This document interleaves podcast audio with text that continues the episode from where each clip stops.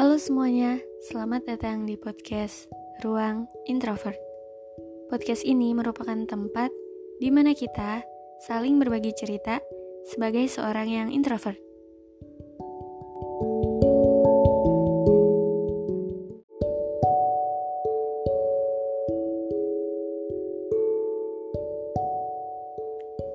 Halo semuanya, apa kabar? Oke, kemarin aku udah upload episode uh, perayaan, bukan perayaan sih. Ya, satu hari, eh satu hari, satu tahun podcast Ruang Introvert ini. Gak kerasa banget pokoknya dan ya pokoknya makasih banyak banget buat kalian semua. Jadi di episode kali ini aku bakalan seperti biasa ya bermonolog lagi, sharing dan cerita-cerita.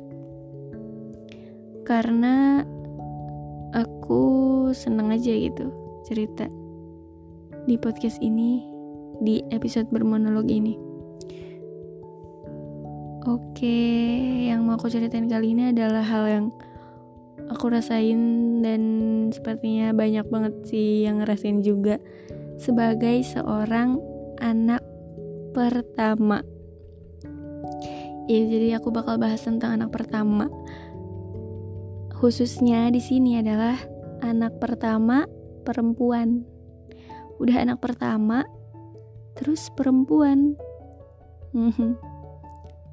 Karena kita tahu sendiri ya, sebagai seorang anak pertama itu biasanya lebih kayak dituntut untuk menjadi pelindung, menjadi tameng, untuk selalu bisa, untuk selalu siaga, untuk jagain adik-adiknya, selalu kuat gitu.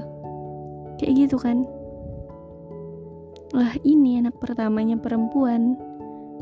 Mereka juga sama dituntut untuk kuat, untuk uh, menjadi pelindung adik-adiknya.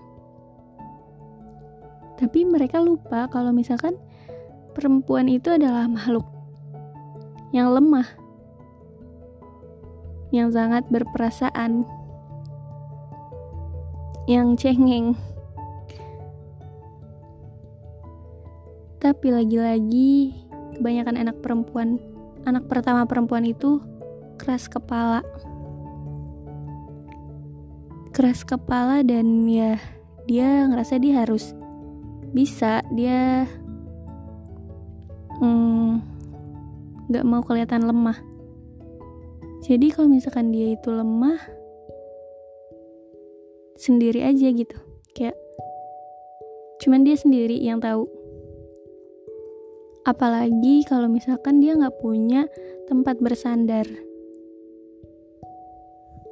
Walaupun kayak keluarga dia utuh, keluarga dia baik-baik aja. Tapi nggak sedekat itu untuk saling bersandar dan berbagi rasa.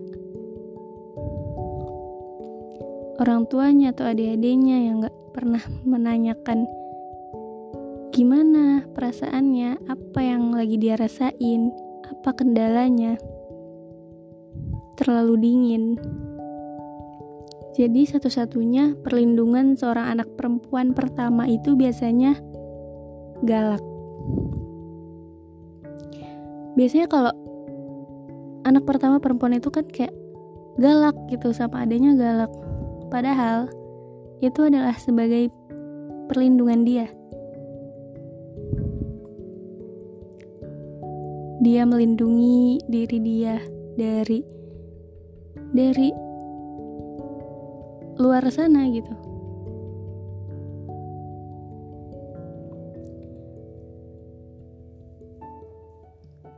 Ya emang kita harus dituntut untuk harus terus kuat. Tapi nggak apa-apa kok. Kalau misalkan capek mau kelihatan lemah untuk satu hari dua hari nggak apa-apa.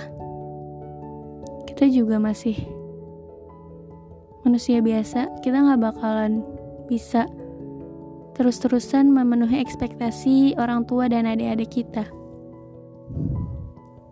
Jadi ya, jujur aja sama diri sendiri kalau misalkan lagi capek ya capek jangan terlalu memaksakan untuk terus kelihatan kuat dan sempurna di depan mereka kita juga punya banyak hak untuk membahagiakan diri sendiri daripada orang orang lain walaupun kita menanggung banyak beban menanggung banyak ekspektasi keluarga dan orang tua gitu. Kita masih punya hak untuk memilih apa yang kita pengen apa yang seharusnya kita dapatkan juga gitu. Jadi kayak gitu ya. Pasti berat banget. Tapi ya mau gimana lagi? Harus tetap dijalanin kan? Hidup ini juga nggak berhenti kayak nggak berhenti gitu aja kalau misalkan kita nyerah.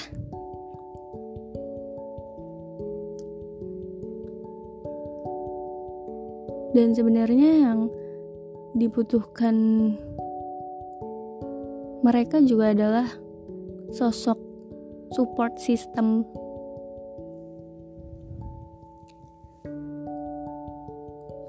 jadi aku pribadi karena terkadang emang kita nggak bisa ngandelin semua orang untuk terus ada untuk kita jadi support system kita satu-satunya adalah diri sendiri dan kalau aku ya menjadikan para idola aku, artis-artis idola aku, artis K-pop aku sebagai support system juga. Karena ya mereka yang ada juga gitu untuk aku. Mereka yang selalu ada.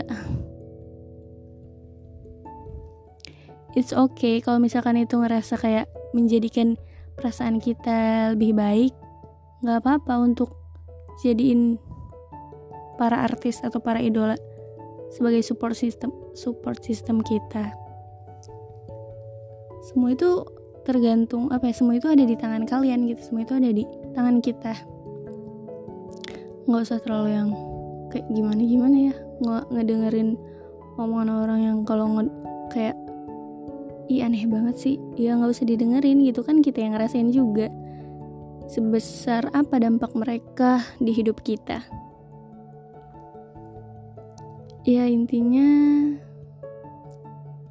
semangat kita pasti kuat kita pasti bisa. Oke? okay. Itu aja. Terima kasih dan sampai jumpa